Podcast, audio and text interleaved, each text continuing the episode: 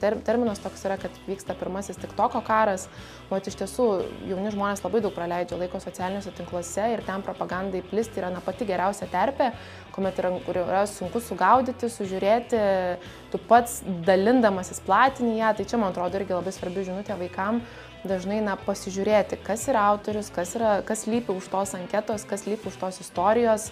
Koks tavo tas gyvenimas bus, jeigu tu nežinosi savo istorijos. Ir atrodo, kad natūralus tas, tas malsumas yra žmogaus pažinti. O jeigu tu jos nežinosi, nežinosi, ką ginti, nežinau, tu būsi linkęs labiau prisitaikyti prie pakitusių, bus svarbiausia, kad būtų taika ir duona, ar ne kaip čia sovietmečių buvo akcentuojama, kad taika ir duona, žmonės paprastai nori taiko, žinai, jau čia kova už laisvę, visą kitą ramybės drumstėja, tai, žinai. Tai, tai, tai tiesiog tu, tu, tu nežinosi, ką ginti, tu kiti galės labai lengvai papasakoti istoriją už tave, Ir, nu, va, to jau, kai tu žinai savo istoriją, tai tavęs ne, neapgaus.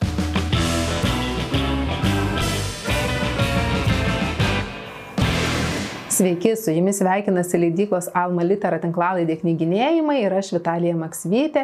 Na ir kaip jau įpratome, kalbamės apie literatūrą ir naujausias knygas, apie knygų pasaulio tendencijas, kalbiname autorius ir domimės įvairiomis aktualiomis temomis. Ir šį kartą kalbėsime apie literatūrą vaikams ir istoriją. Pastebime, kad tikrai daugėja susidomėjimas tiek Lietuvos, tiek pasaulio istorija ir mes patys leidžiame vis daugiau knygų mažiesiams skaitytojams ir jaunimui, kuriuose kalbama tikrai rimtomis uh, temomis, tokiamis kaip holokaustas arba emigracija, imigracija. E, leidžiame enciklopedinio pobūdžio knygas vaikams apie Lietuvos istoriją. Na ir kad suprastume, kiek tokios knygos yra svarbios, kaip jos padeda formuotis mūsų mažųjų piliečių pilietiškumo jausmui, šiandien pakalbinsime du svečius. Šiandien svečiuose istorikas, knygų autorius, mokslo daktaras Dikmas Vitkus. Sveiki. Sveiki. Ir istorikė, visuomenininkė, įvairių projektų dalyvė Luka Lesauskaitė. Sveiki. E, labai džiaugiuosi, kad e, sutikote ateiti ir pasidalinti savo patirtimi ir mintimis apie šią temą. Iš tikrųjų, mes leidėjai labai na, aiškiai suvokiame ir įvardyjame, kad skaitimas mažam žmogui yra labai svarbus ir na, čia yra daugybė tyrimų ir išvalgų, kurias pas, pa, patikė būtent tų sričių mokslininkai, bet pirmą kartą kalbamės apie tokį tarpdisciplininį, galima sakyti, dalyką, lauką, kuriame susitinka istorija, disciplina, kuriai jūs atstovaujate, ir literatūra. Zigmas dviejų jau išleistų knygų autorius, mes jas turime ant stalo ir Lietuvos istoriją nuo seniausių laikų iki 21 amžiaus. 2008-aisiais, jeigu neklystu. Pirmas variantas. Pirmas leidimas išleistas, tai e, kiek čia jau metų, ne, daugiau negu 10 metų, 14, beveik 15 metų bus galima leisti jubiliejinį leidimą gyvuojantį knygą. E, Zigmai, gal labai trumpai galite papasakoti prieš e, tuos 15 metų kaip gimė idėja ir kodėl pasirodė, kad yra svarbu kalbėti apie istoriją vaikams būtent knygos formą? Mes bendravom nemažai su Almos literos e, darbuotojais, kurie na, čia prieš 15 metų e, pakvietė parašyti knygą, kadangi nieko panašaus tuo metu nebuvo. Tai, tai buvo jų idėja ir aš tiesiog pasirašiau tą idėją. Nežinau, ar, ar taip, taip paprasta, bet nepaprasta, nes ne visų istorikų galvose knyga vaikams gali atrodyti rimtas projektas, vertas mano laiko ir dėmesio. Tai kaip čia yra su istorija ir vaikais? Jau tuo metu iš tikrųjų dar neturėjau vaikų savo, bet kažkaip nebuvo jokių abejonių, kad, kad, tai yra, kad tai yra prasminga ir vertinga. Ir kažkaip tai nu, iki šiol ir, ir likau uh, toje, toje, toje temoje rašau vaikams ir manau, kad rašysiu. Toliau tik dabar turiu savo vaikų, tai galiu rašyti tiksliau ir, ir, ir kažkaip tai, nežinau, nu, jausti labiau galbūt. Supratote? Adresatą. Supratote apie kažką apie naują apie tą adresatą, jeigu palygintumėte? Nežinau, tiesiog tu turi labai labai konkrečius vaikus ir tiesiog visai kita, kita motivacija yra. Tiesiog, ne. Luka, jūsų noriu paklausti apie šio laikinį pilietiškumą ir apie tai, kada, kada tampama piliečiais. Va, Zigmas turi kiek vaikų? Du. Du. Ir jie turbūt jau nuo gimimo, neturbūt, o tikrai yra įrašyti kaip Lietuvos piliečiai, ar ne? Bet ar to pakanka? Tikrai to nepakanka ir pilietiškumas jis toks yra na, nesibaigiantis dalykas, jis auga kartu su žmogumi Ir nu, tam augimui yra labai svarbu, žinoma, aplinka visų pirma, ar ne, ir kokia pirmiausia būna aplinka, ar ne, atsiradus vaikui, gimus vaikui, tai yra šeima. Vienareikšmiškai yra labai svarbu šeimos vertybės, kuo domisi šeima, ar keliauja po Lietuvą, ar tėvai skaito knygas, ar, ar kalba apie politiką, ar kalba apie tai, kas vyksta Lietuvoje. Na, tai tokios labai labai atrodo smulkios detalės, bet jos yra labai svarbios. Po to atsiranda, žinoma, darželis, mokykla. Dabar turbūt kalbant apie paauglius, na, ypatingai didelę įtaką pilietiškumui, netgi daro socialiniai tinklai, buvimas internete. Čia vėlgi, kokius tu nuomonės formuotojus sėki, kuo tu domiesi, tai, tai formuoja tavo pilietiškumą ir santykių su valstybė, nes pilietiškumas būtent tai ir yra. Ir tas santykis jis ir pasireiškia tam tikrais veiksmais. O kokie yra tie veiksmai, tai yra nuo pareigų atlikimo, nuo domėjimosi istorija, keliavimo, valstybinių švenčių šventimo, vėliavos kelimo ir pačių vairiausių dalykų. Tai man atrodo, kad knygos, jos yra vienareikšmiškai labai svarbios. Aš manau, kad ir mano pilietiškumas ir ta meilė Lietuvai, kuri yra dabar ir turbūt istorijos studijos dar labiau tai sustiprino, bet viskas prasidėjo nuo knygų. Nes aš labai anksti pradėjau skaityti ir pradėjau skaityti gan rimtas knygas ir, ir kažkaip nu, ta meilė knygom ir istorinė atsirado būtent per knygas. Ir, ir tokias istorijas. Tai man atrodo, čia viskas yra labai svarbu ir tai tikrai na, stiprina ir augina žmogų. Bet pilietiškumo samprata keičiasi turbūt, e, istori, istori, jeigu žiūrint iš istoriko tos perspektyvos. Uh, ar ne? Tas, e, kas, yra, kas yra pilietis, be to, ką paminėjot, pa, pareigos, aktyvumas ar ne? Nes šiaip... Tiesiog rūpesti savo valstybę, tai, tai man atrodo. Tai gali tas patys piliečio samprata keistis, bet, bet rūpesti savo valstybė išlieka, kaip sakyti. Ir... O kas būtų priešingai pusėje, mes sakykime, nepilietiškas vaikas auga aplinkoje, tai kaip jis atrodo, kaip jis nežinau, kas savanaudiškas, kas savanaudiškas, ar ne? Taip. Taip, ir man atrodo, kad gal kaip iš istorinės perspektyvos žiūrint, tarkim, tarpu karių tokio žodžio pilietiškumas tikrai nebuvo, kažkada teko taip gan domėtis ir vis tiek buvo daugiau naudojama žodis kaip patriotas. Mhm. Tautiškas, patriotiškas, bet ir tarkim, tuo metu tai turbūt sakytumėm tas pats, ką reiškia žodis e, patriotiškas. Dabar žiūrint, tai man kažkaip vis dėlto labiau patinka žodis pilietiškumas, jis kalba apie tokį platesnį dalyką. Sakykime, patriotas toks labiau yra į save, į konkrečiai tik į savo valstybę, bet pilietišku tu turi būti bet kur, kur tu gyveni. Visame pasaulyje. Taip, ir man netgi patinka tas žodis globalus pilietiškumas.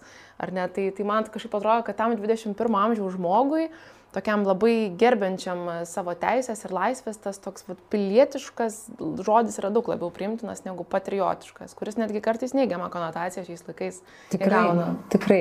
Ir dabar pati tai pajutau, kad pilietiškumas man įtraukia atsakomybės jausmą, o patriotiškumas kažkaip nebūtinai yra susijęs. Bet čia gal mano tokia interpretacija. Aišku, ačiū labai tokia svarbi išvalga. Dar noriu paklausti apie patį, pačią istorijos discipliną, ar ne? Nes istorija irgi nėra nėra toks paprastas dalykas ir žmonės turi daug istorijų. Bet kas yra ta tikroji istorija, kaip ją atpažinti, nes vėlgi netgi renkantis knygas galima mm, na, labai daug rasti interpretacijų vienų arba kitų įvykių, vienų arba kitų faktų. Mhm. Mm, tiesiog tai ta istorija ir susideda iš tų istorijų pačių įvairiausių, o istorikas jas, tas visas istorijas skaito ir kažkaip tai apibendrina. O dėl tos pačios tikrovės, tai čia toks, na, žinau, filosofinis klausimas, kaip sako, kaip, kaip, buvo iš tikrųjų. Jisai turi vertinti visą, visą kontekstą, visas istorijas, tiesiog ir pabandyti kažkaip apibendrinti tą, įtraukdamas įvairius, įvairius balsus, reflektuoti. Tai, mhm. Ir kai rengėte knygą Lietuvos istorija, ar ne, nuo seniausių laikų iki 21 amžiaus, tai ją jau galima laikyti tokiu istoriškai pagristu uh, kūriniu, kuris na, remiasi tais būtent istoriniais duomenimis. Apibend, jau apibendri, taip, apibendri, apibendrinimais, taip, bet jau, kad visą laiką išlieka tos interpretacijos kažkokių įvykių, tas, tas yra normalu, man atrodo. Mes truputį kalbėjom prieš laidą, kad tie patys kryžiaus žygiai, ar ne, taip, taip. priklauso, kaip juos matysi, jeigu žiūrėsi iš vienos arba iš kitos perspektyvos. Tai kalbant apie kritinį mąstymą, šio laikinis žmogus tarsi na, norėtų, turėtų turėti tą kritinį mąstymą, bet ar tikrai užtenka išmanyti vieną istorijos versiją, kad galėtum sakyti, aš mastau kritiškai ir aš renkuosi na, teisingai, tinkamai. Manau, kad tikrai neužtenka, jeigu mes kalbam apie tai, kad reikia tikrinti ar ne keletą šaltinių, perskaičius kažkokią naujieną, tai lygiai taip pat yra ir su istorija. Ir turbūt čia yra toks pagrindinis istoriko amato specifika pagrindinė, kad istorikas yra skaitys įvairiausias tas tiesas, pavadinkim, įvairiau, iš įvairiausių kampų perspektyvų bandys pažiūrėti tam tikrą įvykį ir tada kažkur atrasti tą, atskirti tuos pelus ar ne nuo grūdų.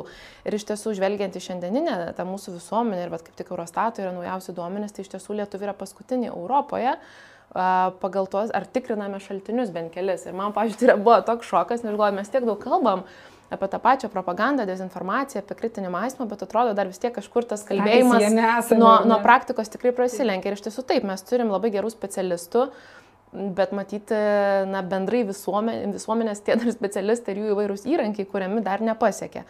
Bet kuo mes skaitytumėm, tarkim, ką aš visą laiką rekomenduoju moksleiviam, kalbant apie kritinį mąstymą, tai yra tiesiog skaityti kuo mes daugiau skaitome, kuo mes daugiau apskritai viskuo domimės, tuo tą mes savo kritiškumą ir, ir stipriname ir giliname. Ir, ne, ir pažiūrėkime, kaip tik kalbėjom ar ne apie Rusijoje gyvenančius žmonės, kurie neturi pasirinkimo galimybės, kokias e, naujienas ar ne žiūrėti, kokią televiziją, kokį radiją, kokias knygas netgi yra neturbūt parenkama tikslingai.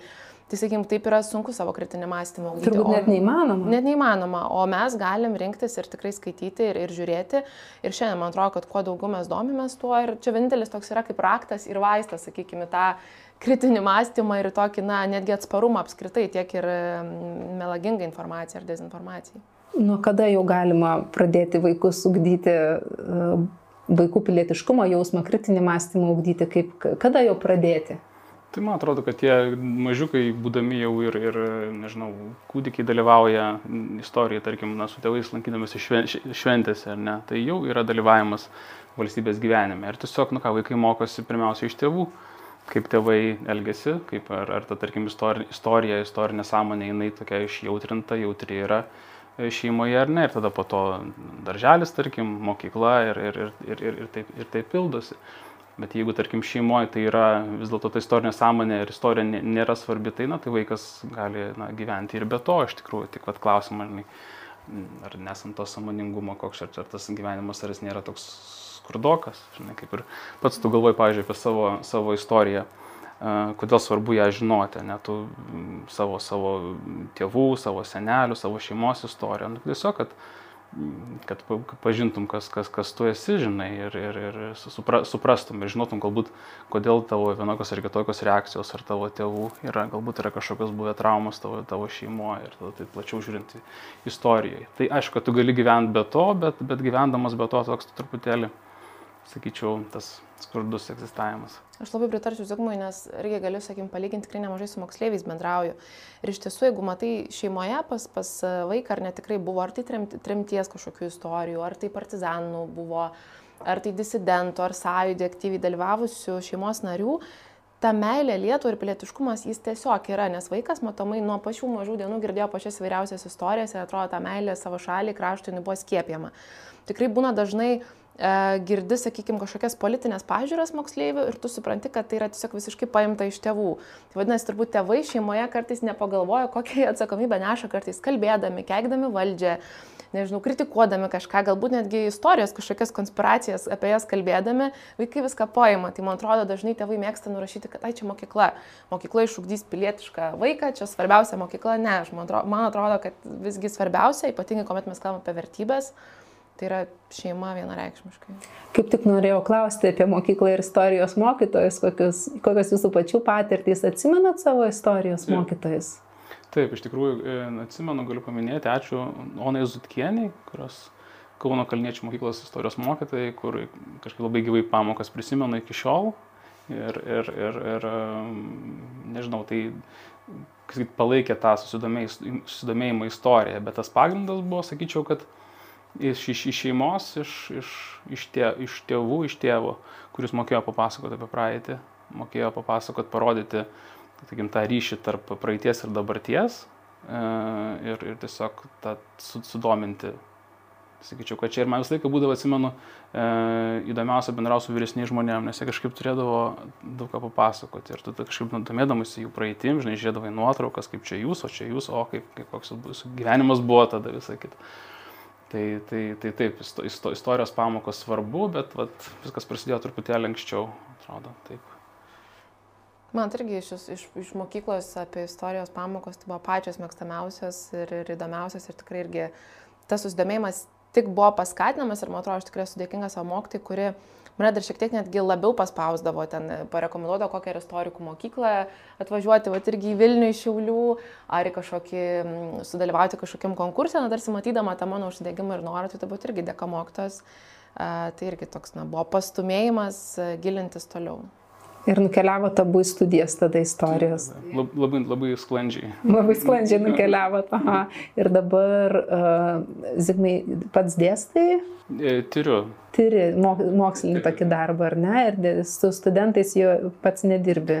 Kažkaip tai nori tirti labiau. Labiau tirti nori. O Luka, pati tai tikrai esi labai aktyvi įvairiose, net nereikia universiteto, ar ne?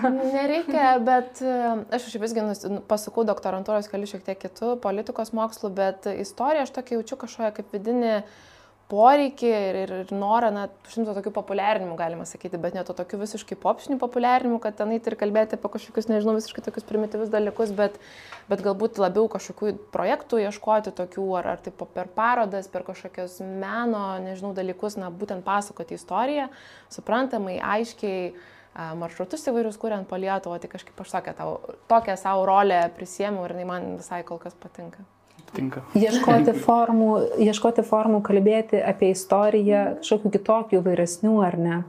Tai mums šiaip leidykloje irgi mes net kažkurio metu įvardėm save, kad esame ne tik leidykla, bet ir turinio namai, nes norisi uh, tą turinį tiesiog į, į kitokias, į, į kuo įvairesnės formas įdėti. Tai šio, kad šio laikinis žmogus, šio laikinis vaikas ar suaugęs žmogus jisai galėtų, nes ne visi skaito, arba ne, ne visi. visi skaito ir net nebūtina skaityti. Ir Pavyzdžiui, domėtis tai... istoriją, ko yra šie laikai tikrai, nu, tokie visai kitokie, negu, sakykime, kuomet ir aš augau, nuzimas turbūt irgi, ir ne, jo labiau. Tai kai buvo iš tiesų na knyga, nu ir koks dar filmas, ar ne, nu dabar yra eibė visokių dalykų. Komiksai, serialai, podcastai, a, vėlgi įvairiausių ir tokių ir instaliacijų, ir, ir nu, tikrai yra begalė, begalė dalykų, kaip tu gali mokytis istorijos, kaip ją gali pažinti, atrasti ir tą savo pilietiškumą auginti. Tik tai irgi turbūt yra labai svarbu na, parodyti tai žmonėms, nes kuomet keliauji kažkur po, po regionus ir bendrauji su moksleiviais, na, jų ne visą laiką tai ateina, tai va, dėl to norisi labai vežti tą tokį istorijos kitokį matymą už Vilniaus, už Kauno, už Klaipados kur, sakykime, žmonės tikrai turi tų galimybių nueiti ir įvairius renginius ir tą istoriją pamatyti ir pačiupinėti kitaip. Tai man atrodo, ko tikrai dar šiek tiek trūksta, tai yra šiek tiek vat, į regionus. Ir tas turbūt kartais būna moksleiviam jie nustemba, kad sakau, žiūrėkit, tarkim, nuvykimas į kažkokį muziejų, kuriame jūs nebuvote, arba aplankimas kažkokio tai paminklo, kuris galbūt yra visiškai šalia jūsų namų, tai irgi yra istorijos pažinimas ir tai yra irgi pilietiškumo stiprinimas ir jie dažnai taip nustemba. Sakau, taip, čia viskas yra labai paprasta, čia nebūtina perskaityti visas įmanomas knygas ir mokėti visas datas. Tai čia tikrai, man atrodo, yra ne, ne apie tai istorija, būtent apie tą tokį irgi santykio kūrimą ir, ir atradimą, kas man yra ta istorija ir ką jinai man reiškia ką patartumėt mokytams, tai girdžiu, kad jau važiuojat ir, ir, ir, ir, ir nešate žinias, o tėvams su tais mažiukais vaikais, sakykime, na jie nežino, nuo kur pradėti. Tai ką patartumėt? Gimė kūdikėlis, noriu, pati gal neturiu tradicijos arba pats eiti į muziejus, į parodas, domėtis istoriją, bet va gimė ir suprantu, kad noriu, kad užauktų pilietiškų žmogumi. Iš tikrųjų, čia turbūt kiekviena šeima turi savo, savo, tas, savo, savo prieigą.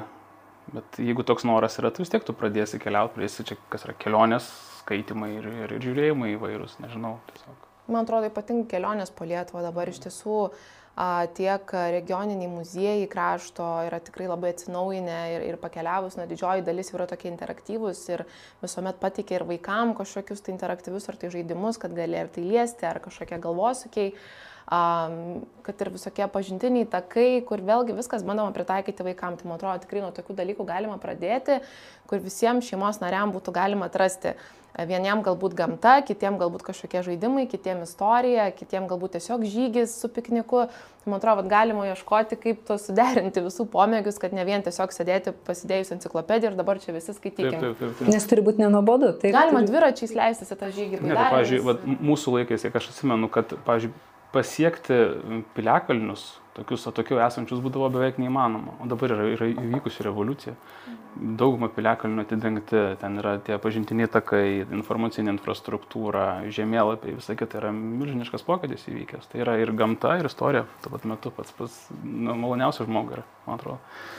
O kokie Lietuvos istorijos įvykiai, laikotarpiai, faktai jums patiems yra įdomiausi, mieliausi, stipriausi? Aš tai manau, toks sunkus klausimas. Jo, jo, jo. jo. Nes kažkaip atrodo, ne, visur gali atrasti. Jo, jo, visur tikrai gali atrasti. Bet, tarkim, aš pradėjau nuo, e, nuo domėtis indienais. Mano buvo tokia tema, ta, tokia pirmoji knyga buvo Vinetų, trys tomai, man buvo 12 metų, tada perskaičiau ir tada aš užsivedžiau tą temą. Tai irgi knygos apie indienus, bet iš tikrųjų apie praeitį. Po to buvo kareivis šveikas. Tai sakyčiau, tas domino 19 amžius Amerikoje, o po to, o po to kažkaip tai susidomėjau 20 amžiumi ir, ir, ir likau tarpu kariu, po to antrojo pasauliniu karu išsikristalizavo holokaustas, jo atmintis ir va, taip, taip ir šitame laukia specializuojas. O, o Lietuvos valdovai, va, irgi ta, truputėlį taip. apie kitą laiką, apie kitą laiką ir čia e, Luka tikrai būtų didesnė specialistė, bet e, tiesiog, nu, nežinau, aš tokį jaučiu poreikį parašyti šitą knygą kaip, kaip visumą, kad nuo pirmo valdovo iki paskutinio su genealogija, su laiko juostom ir sakyti, kad būtų vat, knyga, kur žmogus atsivertęs, galėtų na, ram, r, r, žinoti, kad visi valdovai čia daugumas aprašyti ir, ir, ir kad galima su jais susipažinti. Tai, tai... Labai trūko, aš galiu pasakyti pati dar nuo savo mokyklos laikų, ten kažkokios skyriai vadovėliuose Taip. atskiri, kažkokia dar ten gal ten chronologiškai kažkas sudėliota, bet kad būtų vienoje vietoje visi aprašyti tikrai nebuvo. Tai, tai čia grinai buvo tas jausmas, kad to aiškus tokia vizija, kad, kad to nėra, ten išužpildyti. Tai Ir šita knyga, be to, kad ją tikrai labai mėgsta ir skaito vaikai, jinai yra pakliuvusi ir į IBI apdovanojimus nominuota ar ne. Ir tikrai, na, metų knygos, metų knygos rinkimuose irgi galvoju, tai dalyvauja. Yra, dalyvauja, dalyvauja, dalyvauja. Taip. Tai dar, ne, kai filmuojam, dar nežinom, kokie bus rezultatai. Taip, nu, pas, bet vis tiek dalyvauja, Taip. yra pastebėta skaitytojų ir literatūros profesionalų. Tai ne tik, kad istoriškai reikšminga, Taip. bet Taip. ir literatūros prasme yra tikrai forma, nežinau. Um, tekstus Zigmai pats rašiai visiškai ir tą formą pats pasirinkai, pats, čia leidykla. Jo, jo, pats, pats kažkaip norėjau kitaip, ne, ne, ne enciklopediškai ir tarsi taip per, per, per, per asmenį, per, taip. per save perleisti informaciją ir kartu, vat, kaip papasakau, kaip tarsi valdovas. Ir koks jausmas yra pabūti valdovu? Šiaip tai geras, sakyčiau, kad aš neskubriai tą knygą rašiau ir spėdavau pajusti, įsigilinti. E, tai aišku, tu ten nežinai, ten tų detalių čia interpretuoji visą kitą, bet būdavo tikrai, sakyčiau, smagu su jais pabendrauti. Tada tą keletą mėnesių, kai rašiau. Pagirų turbūt sulaukė daug. Ta, kad knyga pastebėta ir kad skaitoma, aš tikrai taip ir, ir labai džiaugiuosi tuo. O kritikos? Šiaip kritikos nebuvo, aš nežinau. Bet, nebuvo. bet, bet pas mūsų kritika taip yra, kad, kad kažkaip tai... Pažiūrėjau. Niekas nekritikuoja. jo. Įdomu, ar kokių faktų nepražiūrėta. Nu, tai gali būti ir pražiūrėta, tai... ta prasme, tikrai taip gali būti ir ta kritika dėl to, jinai, bet pas mus kažkaip kitaip su kritika yra. Jo, nes žmonės asmeniškai priema, tai gal visi taip, tarsi toks nebilus susitarimas per nelik, ne, ne, ne, kritikuoti. Čia turbūt to paties kritinio mąstymo stokos dalis, kad mes negebam priimti ir, priimti ir, ir mokyti, taip, pristatyti ir suprasti naudos tos kritikos. Taip, taip, nes, nes geras kritinis straipsnis yra, yra nuostabu. Taip, puikus įrankis aukti ir tobulėti.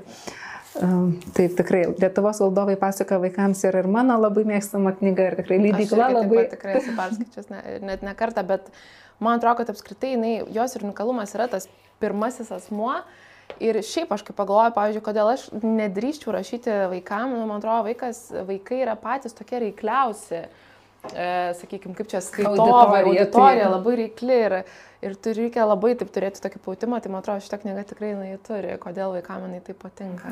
Taip, aš irgi pritariu tikrai, kad vaikai yra reikliausia auditorija vien dėl to, kad jie nemeluoja. Mhm. Jeigu jam yra neįdomu. Ir neįdomu. Ir neįdomu. Saugęs gali prisiversti, iš mandagumo paskaityti, taip, taip, taip. vaikai to nedaro. Uh, Luka, bet pati rašai Aš tokia kaip juokiuosi, aš galėčiau būti e, rašytojų vadybininkė. Man labiau patinka rūpintis tokiais dalykais. Aš mėgstu parašinėti gal tokius labiau publicistinius tekstus, bet kažkaip kilo ta mintis, e, kad neturim tokios Lietuvos pilietiškumo istorijos tarsi, e, kuri pasakotų apie žmonės e, ir žinomus, ir nežinomus per visą mūsų istoriją. Tai, toks bandymas yra, nežinau, kuo, kuo mes pasibaigs, bet kartu su kolegom istorikais tokį pabandėm parašyti, panagrinėti šiek tiek ir šaltinius, ir archyvose paieškoti įdomesnių asmenybių tiek iš tarpukario, tiek iš sovietmečio, tiek ir jau na, nepriklausomos Lietuvos.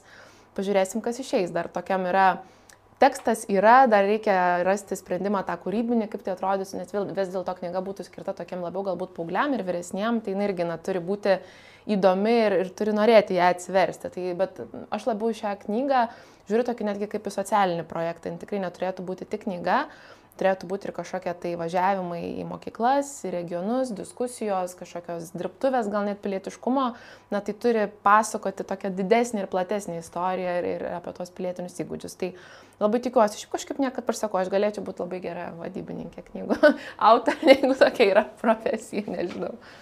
Idėjų turiu, bet man kažkaip su to išpildymu, nežinau, aš geriau kam nors pasakysiu ir kas nors parašys. Esama kelių tipų autorių. Vieni iš jų yra tokie, kurie turi idėjas, o jiems padeda užrašyti tas idėjas ir sukurti turinį. Tai manau, kad visai yra gerai svarbu, kad knygos ir žinutės pasiektų uh, tuos, kur, kurie na, yra reikalingi. Uh, dar norėjau grįžti prie propagandos truputėlį. Paminėjai, man regis, vieną ar porą mhm. kartų. Ir kalbant apie vaikus, uh, na ir apie saugusius turbūt. Ar yra kažkokie paprasti būdai, kaip atpažinti propagandą?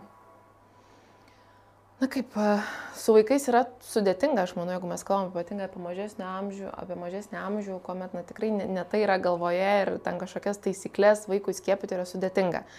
Kalbant apie paauglius, apie vyresnius, tikrai jau, jau yra tie tam tikri būdai, ką galima atkreipti dėmesį, bet čia vis dėlto turbūt jau tėvus labiau reikėtų šviesti tiek e, perkant literatūrą, tiek, tiek parenkant kažkokius, nežinau, filmus, kokius žiūrėti ir kokius eiti.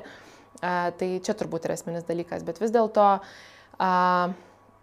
tikrinti, man atrodo, pats yra pirminis dalykas, niekada nieko nepriimti už gryną pinigą, kas, man atrodo, kalbant apie vaikus, ypatingai yra svarbu, aš dabar, sakykim, pastebiu, ir net tokį ter terminas toks yra, kad vyksta pirmasis tik toko karas, o iš tiesų jauni žmonės labai daug praleidžia laiko socialiniuose tinkluose ir ten propagandai plisti yra na, pati geriausia terpė, kuomet yra, yra sunku sugaudyti, sužiūrėti, tu pats dalindamasis platinį ją, tai čia, man atrodo, irgi labai svarbi žinutė vaikams dažnai na, pasižiūrėti, kas yra autorius, kas, yra, kas lypi už tos anketos, kas lypi už tos istorijos, um, nežinau, paklausti tėvų, pasidomėti, įsivesti į Google tą patį ir kažkokį hashtag ir dar kažką, kad iš tiesų nepridaryti to žalos dar daugiau, nes matėm, ar ne kaip toj pačioj Rusijoje buvo mokami pinigai uh, jauniems Rusijos influenceriams, jaunimui, kad na, jie platintų propagandą būtent, tarkim, TikToko platformoje. Mes matom, kad iš tiesų tie socialiniai tinklai uh, na, sakykime, informacija pati savaime na, yra ginklas ir, ir šiom dienomis mes tai matome, na, kuo geriausiai. Anksčiau labai daug apie tai kalbėdavom, dabar mes matome savo akimis, kad iš tiesų informacija yra pats didžiausias ginklas. Tai, tai čia, man atrodo, labai svarbu, tai vaikams turbūt toks būtų labiau, na, paklausti tėvų, išdrysti paklausti, nebijoti paklausti, plus, kad jie galimybių pasitikrinti, pasižiūrėti turi dar daugiau turbūt negu mūsų močiutės ar seneliai, kuriem, na, sunku galbūt yra su technologijom. Taip. Taip, tai čia man atrodo tiesiog reikėtų na, netingėti ir, ir paieškoti ir pakapstyti, ką tikrai jauni žmonės moka daryti. Ne, tai iš tikrųjų tikrinti šaltinius ir mes irgi, vat, Onai mūsų yra 11 metų, tai kažkaip, man atrodo, kad tą, tą jaučia, mes išsakome, kad tikrini šaltinius, į ką pasitari, jeigu matai kažkokią tai tokią informaciją, kuri tau nemaloni, nes paprasytus propagandinę informaciją labai, labai labai tokia nemalonė emocija ar dviprasmiška visą laiką pasi, pasikalbėti su, su mumis ar parodyti. Ir tada, nu, žodžiu, bendrai, bendrai aptarsime tą klausimą. Ar yra Lietuvoje, Vilniuje mokyklų, nežinau, kursų, kur yra mokomi vaikai Informacinis raštingumas yra dėgiamas į švietimo programą, čia tikrai, na, turbūt kuo toliau, tuo labiau jis taps svarbus, kad, na, apskritai, kaip savo apsaugoti asmeninę erdvę socialiniuose tinkluose, kaip, kaip to šaltinius tikrinti, apie saugų internetą ir įvairius tikrai jau. Nes pas mus, tai, pavyzdžiui, mokykloje nebūdavo šitos, gal, ne, ne, tai nebuvo aktualu, reiškia visiškai. Nu, mūsų laikais turbūt. Ne? Gal buvo aktualu, gal tiesiog mes ne, dar ir tie žmonės, kurie, kurie programas formavo, dar nesuvokė, kad apie tai reikia kalbėti. Gal e, propaganda egzistavo, tik tai dar patys nebuvome pasiekę tokio lygio. Tikrintum bet... įvairius šaltinius, ar ne, ir kad žiūrėtum, kur propaganda, kažkokio tokio diskurso nebuvo. Taip, nesgi bet kokiu atveju net laikrašiai, galvojant apie spaudą, mes tais laikais skaitam ir laikrašys, jie jau buvo įrankiai tam tikrose rankose ir tuo metu taip, buvo taip, galima tikrinti, bet tikrai niekas apie tai nekalbėjo ne, ir tikrai nemokė. Aš labiau apie informacinį raštingumą, tai bent jau mūsų mokykloje tai tikrai yra integruojama, jeigu nemokytai kalba, tai yra pakviečiami specialistai. Nevyriausybinio sektoriaus. Taip, bet atstovai. būtent apie propagandą kaip įrankį. Klausiu dėl to, kad na, man pačiai aš auginu ir, ir paauglį, paauglės dukras ir, ir nu, sunus dar auga pirmokas, kuris gal dar nesėdi socialinėse tinkluose, bet jau greitai tai darys. Ir būtent nes propaganda ir informacinis raštingumas, na, šalia, bet ne, ne visai yra tas pats. Tai man atrodo, kad kažkiek istorijos pamokos apie tai, apie tai kalba, tikrai kažkiek ir pilietinio ūkdymo pamokos apie tai yra kalbama, kiek esu mačiusi bent jau tas programas. Tikrai nemažai žmonių atvažiuoja ir kalba. Aš pati kažkada su kolegomis iš, iš fakulteto e, važiuodom su moksleiviais ir kalbėdom kaip istorija ir išnaudojama propagandoje, tai irgi įmant tam tikrus atvejus ir apie, sakykime, ten kokius saulės nešėjus apie, sakykime, tam tikras nuotraukas, kaip sovietmečių buvo panaudojama, tai tokių, na, įvairių dalykų mes irgi su jais, su jais kalbame ir tikrai, na, prieš kokius dabar aš galvoju, mes pradėjom važinėti turbūt po, po 14 metų. Tai tikrai gan, ganėtinai dar buvo mažai informacijos, apie tai mokykloje dar nebuvo daug kalbama, o dabar tikrai jau yra po truputį vis daugiau ir nu, tai yra būtina, tokia yra realybė dabar. Ir ta pirmoji pamoka, man atrodo, kai Rusija užpuls Ukrainą, buvo Taip. e, parengta. Tai, va, tai yra Galima kontra... grįžti ir grįžti prie jos. Jo, kontrapropaganda iš karto labai sureaguota, man atrodo, buvo greitai. Taip. Dar norėjau paklausti, jeigu neišmanai savo šalies istorijos, kalbėjom apie tai, kad istorija irgi gali būti naudojama propagandai, jeigu neišmanai savo šalies pasaulio istorijos, ką tada prarandi? Kas, kas nutinka? Iš tikrųjų, toks labai fundamentalus klausimas nežinau, kaip ir sakau, kad tarsi tu gali gyventi, ar ne, be, be nežinodamas, bet kaip ir su asmens istorija, kaip, kaip koks tavo tas gyvenimas bus, jeigu tu nežinosi savo istorijos. Ir atrodo, kad natūralus tas, tas malsumas yra žmogaus pažinti. O jeigu tu jos nežinosi, nežinosi, ką ginti, nežinau, tu būsi linkęs labiau prisitaikyti prie pakitusių, tau bus svarbiausia, kad būtų taika ir duona, ar ne kaip čia sovietmečių buvo akcentuojama. Taip. Kad taika ir duona, žmonės paprastai nori taiko, žinai, jau čia kova už laisvę, visą kitą, ramybės drumstėja, žinai. Tai, tai, tai tiesiog tu, tu, tu nežinosi, ką ginti, tu kiti galės labai lengvai papasakoti istoriją už tave. Ir, nu, va, to jau, kai tu žinai savo istoriją, tai tavęs ne, neapgaus niekas. Taip, čia man irgi atrodo viskas yra apie identitetą ir vertybės. Ir net uh, mokslininkė Inga, Inga Vinogradnaitė yra atlikusi tyrimą apie atmintį. Uh, Ir ne, tokios prieišvados, kad kuo labiau lietuviai domisi Lietuvos istorija, tuo labiau didžiuojasi būdami Lietuvos piliečiais. Ir man atrodo, kad tikrai ta paralelinė tokia, nu, yra stipri.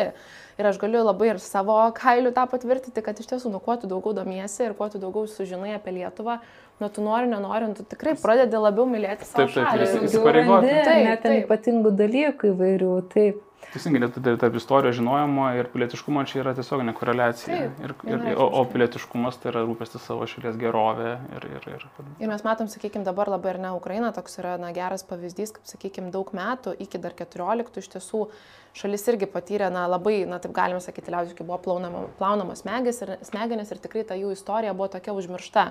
Ir kaip po 14 metų jie pradėjo grįžti prie kazokų istorijos, prie vairios savo etno istorijos, na, ją tiesiog pažinti ir atrasti kaip, kaip tokią stiprybę savo ir stiprinti savo, savo tą tokį pamatą istorinį. Ir mes matom, kaip tai yra kaip svarbu. Tai nutiko, ir kaip, sakykime, Krymo okupacija, kaip ir buvo, va, iš esmės gyventojai žmonės buvo suklaidinti, kas jie yra, nežinodami savo istorijos, jiems buvo brukama kita istorija, ar ne. Tai vad, ką ir Zigmas sako, tai iš tiesų tu nežinai, ką ginti, jeigu tu nežinai savo istorijos. Ir gali patikėti ir ta kita, turbūt žmogus, na, jis, jeigu be to kritinio mąstymo, tai patikės tada kita istorijos versija ir stovės kitoje pusėje. Ar yra temų istorijoje, kurių su vaikais nebūtų galima liesti, apie kurias nebūtų galima kalbėti, nes vėlgi grįžtant prie tos pačios Ukrainos ar ne karo, kas vyksta šiuo metu ten.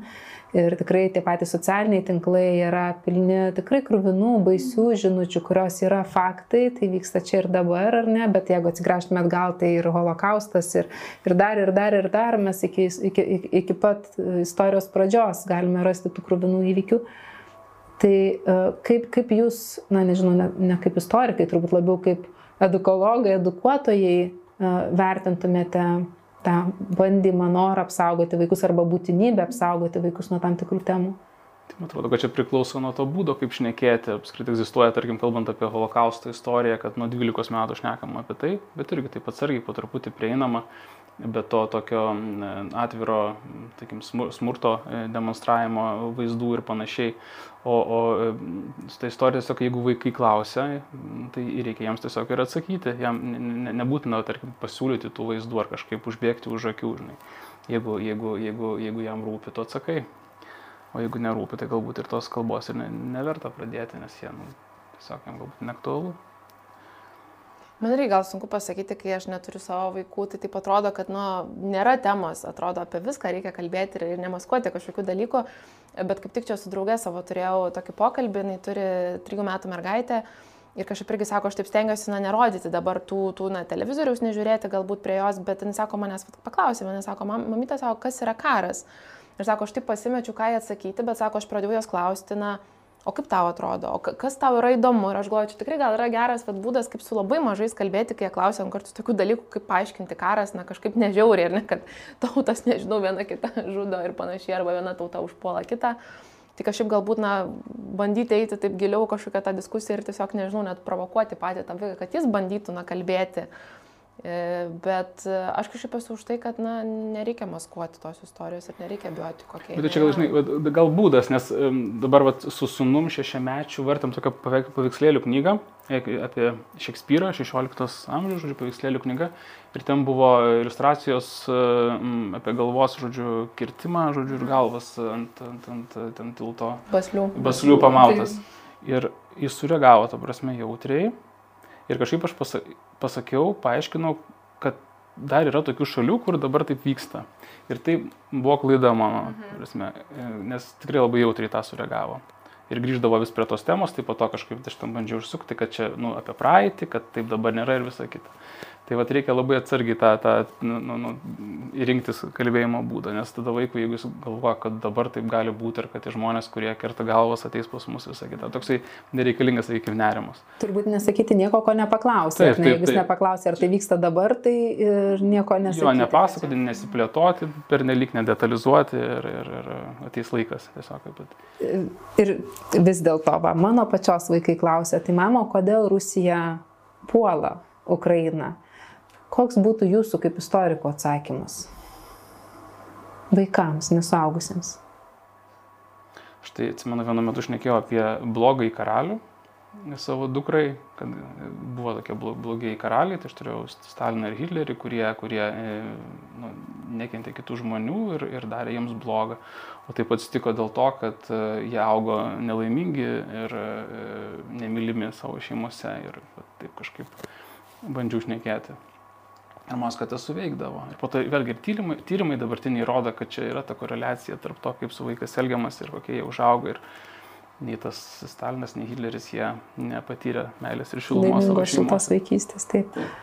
Tai mažiukams labai toks ačiū, taip. tikrai pa, pagal pasaką toks mhm. paremtas principas, o kalbant su tais vyresniais, Luka, jūs vis tiek daugiau su, su jaunimu, su paaugliais mhm. turbūt susitinkat taip tai mes na kažkaip aš visąlaik gal bandau kalbėti apie tą tokį irgi dėsningumą ir kad na tiesiog rusija kitaip negali na pažvelgus jos ar ne istoriją nuo kokio nežinau ivano ruzčio ar dar anksčiau ir einant į priekį na iš esmės tokie buvo visada valdovai ir turbūt kaip šalis yra įpratusi na jinai kitaip negali reikia labai didelių pokyčių tiem pokyčiam reikia labai daug laiko kad kažkas pasikeistų.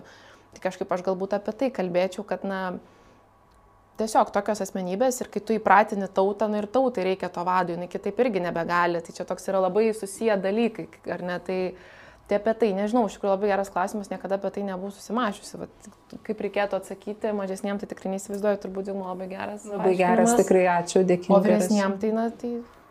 Gal sakyčiau, kad irgi dabar galvoju, kad tauta rusų kažkada buvo pavergta ir tie pavergėjai tiesiog išmokė to tokio smurtingo, sakykime, to mm, elgesio. elgesio su savimi ir kitais.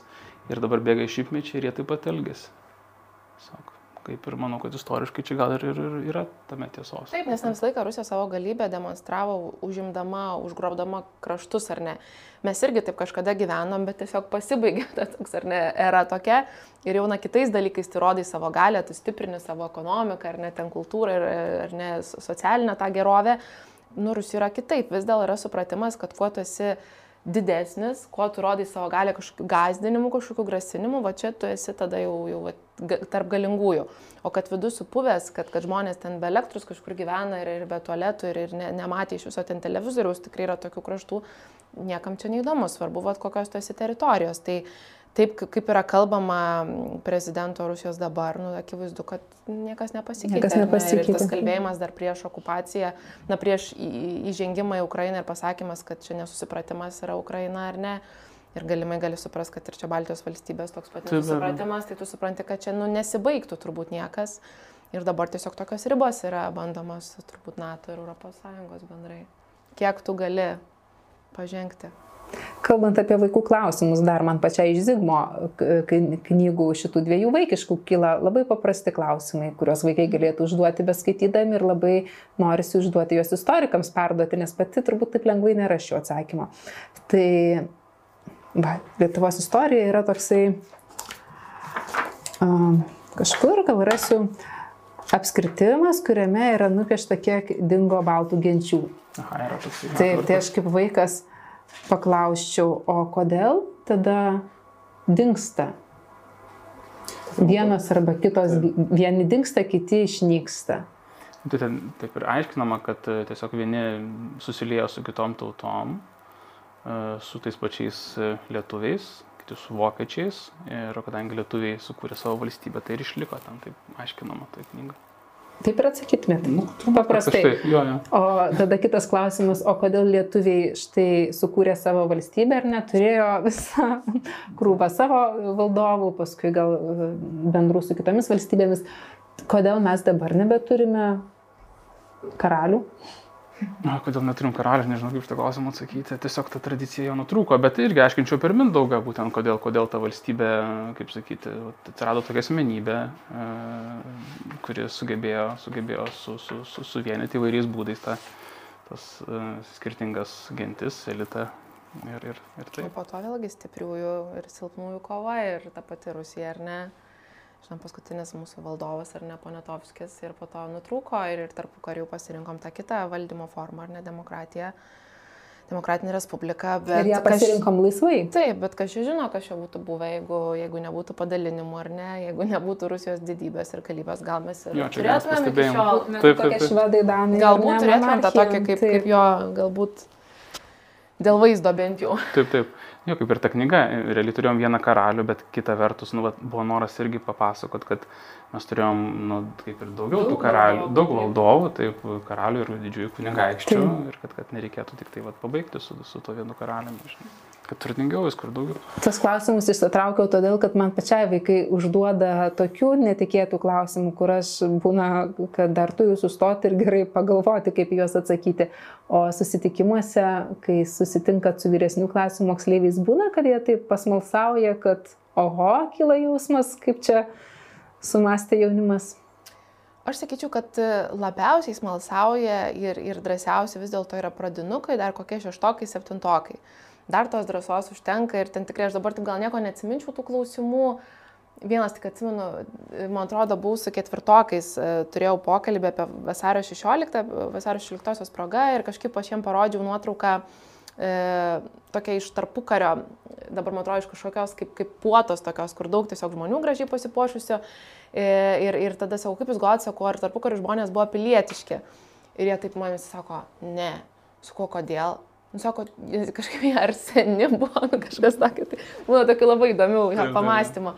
Bet vyresnyje kažkaip jau drąsos truputį pristinga. Ir tada jau būna grįžti į tokias diskusijas su kokiais 11-okais, 12-okais.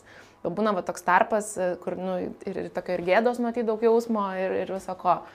Bet būna, būna tikrai labai tokių įdomių įžvalgų, aš sakyčiau, ir klausimų būna. Jų nebūna daug, bet, bet būna. Ir man, bet man labai patinka, ypatingai sakau, mažesni, jie tokių būna kartais labai netikėtų dalykų, kur pasimeti. Nu, domina, kaip tu, susi, kaip tu istoriją susidomėjai visą laiką. Klaus, klausė. Duoda šitą. Kokie pažymiai buvo labai Jo, čia, čia labai Tai svarbu. kokie pažymiai buvo? Istorijos geriau. Geri buvo. Ja, man istorija, literatūra, geografija, mm -hmm. tai buvo pagrindiniai dalykai. Nu, mes ne, netiksliukai. Ne, Ne, akivaizdu. Ir vaikai žiūri, kad taip pat panašiai. Nori, nenori taip išėjti. Nebus stebuklo čia. O matot skirtumą tarp istoriko vaikų ir, pavyzdžiui, draugų šeimų vaikų? Tai nemažai yra vat, būtent iš to humanitarinio rato vaikų, bet taip, iš tikrųjų, jeigu tu daug žinai kaip istoriją, tai, tai jaučiasi tas skirtumas. Nu, žinot, ten savokas kažkokias, tai viską, ten, tą patį holokaustą ir panašiai. Mhm. Tai, tai nu, iš, iš tų bendro, bendro šnekų tokių.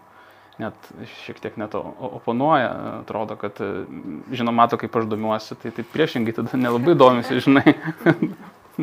bet aišku, supranta, kad čia svarbu ir kad, nu, atrodo, patinka. O kiek, tėtis rašo. vaik, kiek vaikai dalyvavo um, Lietuvos valdovų kūrimo procese dalyvavo? Esu, esu, esu skaitęs uh, Onai, kaip, kaip, kaip girdisi, kaip ką. Bet aišku, kai tu rašai visą laiką, sakau, tu vat turi tą adresatą konkretų. Ir taip galvoju, ar bus įdomu, ar nebus įdomu, taip primetinėjai. Tai kas buvo konkretus adresatas šiuo atveju? Vai, aš rašiau, rašiau savo ir, savo ir vaikam. Tiesiog savo vaikui ir savo saugusiam ir vaikam. O Zigmai taip užkliuvo mano uh, ausis iš to, kad pasakėt, skaičiau garsiai, kaip girdisi, ar ne? Tai visą knygą perskaitot, visą Ne, ranką. ne, kaip, kaip, kai kuriuos, kai kuriuos, kaip skamba, kaip skamba. Ir pagalvojau, kad e, čia gal irgi metodas mokykloje irgi galima, pavyzdžiui, suskirstyti vaidmenim ir, ir juos paskaityti, kad ir tada, tada tu įsidėmėsi tos valdovus puikiai.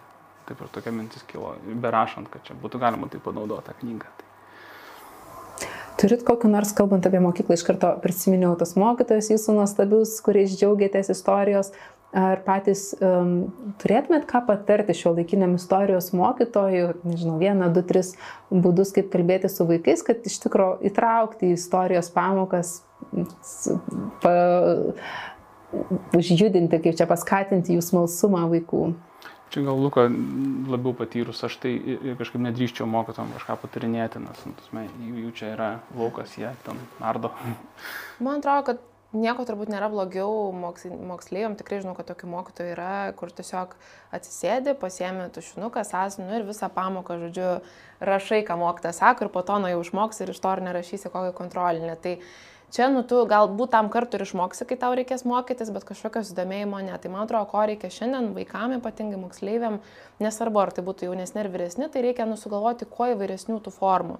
Vėlgi, ar žiūrėti kažkokias e, nuotraukas, ar galbūt kažkokį serialą, nežinau, galbūt tam pačiam Game of Thrones ieškoti kažkokių realių dalykų, o kurie buvo realūs, kurie nebuvo realūs, nu kažkokiam tokiam ar ne, galbūt juos susiskirstyti ir vaidmenimis daryti, galbūt patiems kažkokius darbus padaryti, galbūt patiems rašyti komiksą, ieškoti propagandos, kurti netgi galbūt propagandą. Tai čia tiesiog, man atrodo, reikia ieškoti tų formų, kad ne tiesiog sėdėti, va taip ir dabar, žodžiu, klausysim. Tai man atrodo, to labai reikia. Ir, ir tarkim, kai aš mokiausi, to netiek ir daug buvo, nes dar tų galimybių netiek daug buvo, o šiandien tikrai jau galima atrasti. Tai man atrodo, mokytam tiesiog reikia truputį e, skirti laiko paieškoti įvairesnių šaltinių, įdomesnių tokių, iš ko būtų galima. Tai gali būti ir meno kūriniai kažkokie, ar ne, ir spektakliai, galbūt knygos, galbūt eilėraščiai, video kažkokie, nežinau. Iš tikrųjų, tos medžiagos yra tiek, kad turi čia daug pagrindinis uždavinys atsirinkti. Ir ne, ne netrūkumas, bet tiesiog atsirinkimas.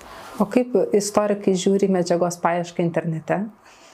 Tai įvairių šaltinių čia internetas, tik tai va, ta- tas, tas kaip, kaip įrankis, ten yra daugybė gerų dalykų ir, ir, ir daugybė tokio šlamšto. Šių mokytojai gali drąsiai eiti internetą ar ne, ieškoti ir tada kaip atsirinkti, įsivertinti pagal ką šaltinius.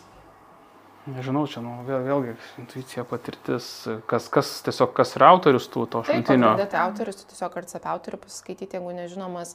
Ar yra nuorodos kažkokios nurodomos po to į tuos pirminius kalba, kokia, kokia kalba to, to šaltinio, kaip ten aprašoma viską. Tai moksliniai kažkokie leidiniai, nemoksliniai ar ne? Tai čia... ja, bet kaip sakoma, kad informacijos kažkaip trūksta, tai man atrodo, kad čia tokia kaip, jeigu tu nenori nieko daryti, va, tai, tai, tai labai lengva tai pasakyti, informacijos yra begalė. Begalė, reikia tiesiog norėti jos ieškoti, ar ne? Tikrai šio laikinis pasaulis yra labai viena vertus palankus tam kritiniam mąstymui, informacijos susiradimui, prusinimuisi, o kita vertus ir labai nepalankus, nes jeigu pataikysi ne ten ir užsikabinsi ar ne, tai gali, um, nežinia, Taip, ir ko ta, priskaityti taip, ir nežinau, kokia tau iš, išsikrypsta ta tikrovė, tau atrodys, kad tu, žinai, kad tu čia atradai kažkokią tai dėsnį, žinai, pasirodys, kad tu visiškai nuvažiavęs kažkur tai. Beje, kalbant apie tikrovę irgi, um, galvoju, net ir Lietuvos istorijos tam tikri įvykiai, faktai ir neskirtingose tradicijose, net skirtingose šalyse už sienos gali būti interpretuojami skirtingai, pristatomi skirtingai ar ne. Kiek yra svarbu pasakyti vaikams, kad na, Lietuvos istorija tai yra Lietuvos istorija pagal lietuvius ar ne, kad pagal vokiečius, lenkus ar latvius jinai gali atrodyti kažkaip kitaip. Na, čia geras klausimas iš tikrųjų, bet tai, tai, tai natūralu, kad uh, mes rašome iš savo perspektyvos. O tos kitos perspektyvos vėliau jau, kaip sakai, vyresnėse klasėse, kad tu analizuoji, tada pateiki ir kitas. Tai čia pats geriausias būdas tiesiog pateikti skirtingas perspektyvas ir jas aptarti. Tarkim, tas vat, antrasis pasaulinis karas, o, o Rusijai vat, didysis tėvynės karas. Nu, tu pasiemi, išanalizuoji, kodėl čia didysis, kodėl čia tėvynės, ar čia tikrai žinai, kada jisai baigėsi ir ką jisai reiškia mums. Ir Štai turėsim tą laidą. Dėl to labai svarbu būtų turbūt rekomendacija vis dėlto pasikliauti tais tikrais profesionaliais istorikais, ne kokiais diletantais ar ten konspiracijų kuriais, kur mes mm. irgi dabar turim. Iš tiesų, žiūrint į mūsų atgal istoriją, tai toks yra paradoksas, kad mes savo istoriją sužinom iš vokiškų šaltinių ar ne. Daug turim Dlugošo po to šaltinių, kur tikrai yra, aš jau kuo toliau, tuo labiau suprantu, ypatingai keliavom su ekspedicija, kad yra tam tikras braižas jau jų pusės ir kai tu nuvyksti, aš tarkim, vykom apie jo gailaitės moteris, ten į popilis Vokietijos ir, žodžiu, nu, aš apie jas tai žinojau tik tai iš Žlugošo kažkiek pasiskaičiusi, bet kai ten nuvyksti ir to paskui, supranti, kad visai kita istorijos pusė, nes tiesiog kaip, kaip mato vokiečiai, kaip mato lenkai. Tai va, bet šiandien turbūt vis dėlto, jeigu mes norim, tai na, tą pažinti tą istoriją, tokia jau vis tiek istorikai neveltui tiek mokosi ir, ir dirba, ar ne, kad tuos šaltinius kažkaip sugebėtų perskaityti ir pateikti jau tą kažkokią ar ne apibendrintą vaizdą. Tai man atrodo vis dėlto skaityti tikrai tokius patikimus autorius ir, ir, ir profesionalius e, mokslininkų darbus, nes tikrai ir Lietuvoje galima atrasti įvairių knygų apie taip mes iš kokių ten genčių esam ir iš kur ten mes kilę, tai yra, yra visko.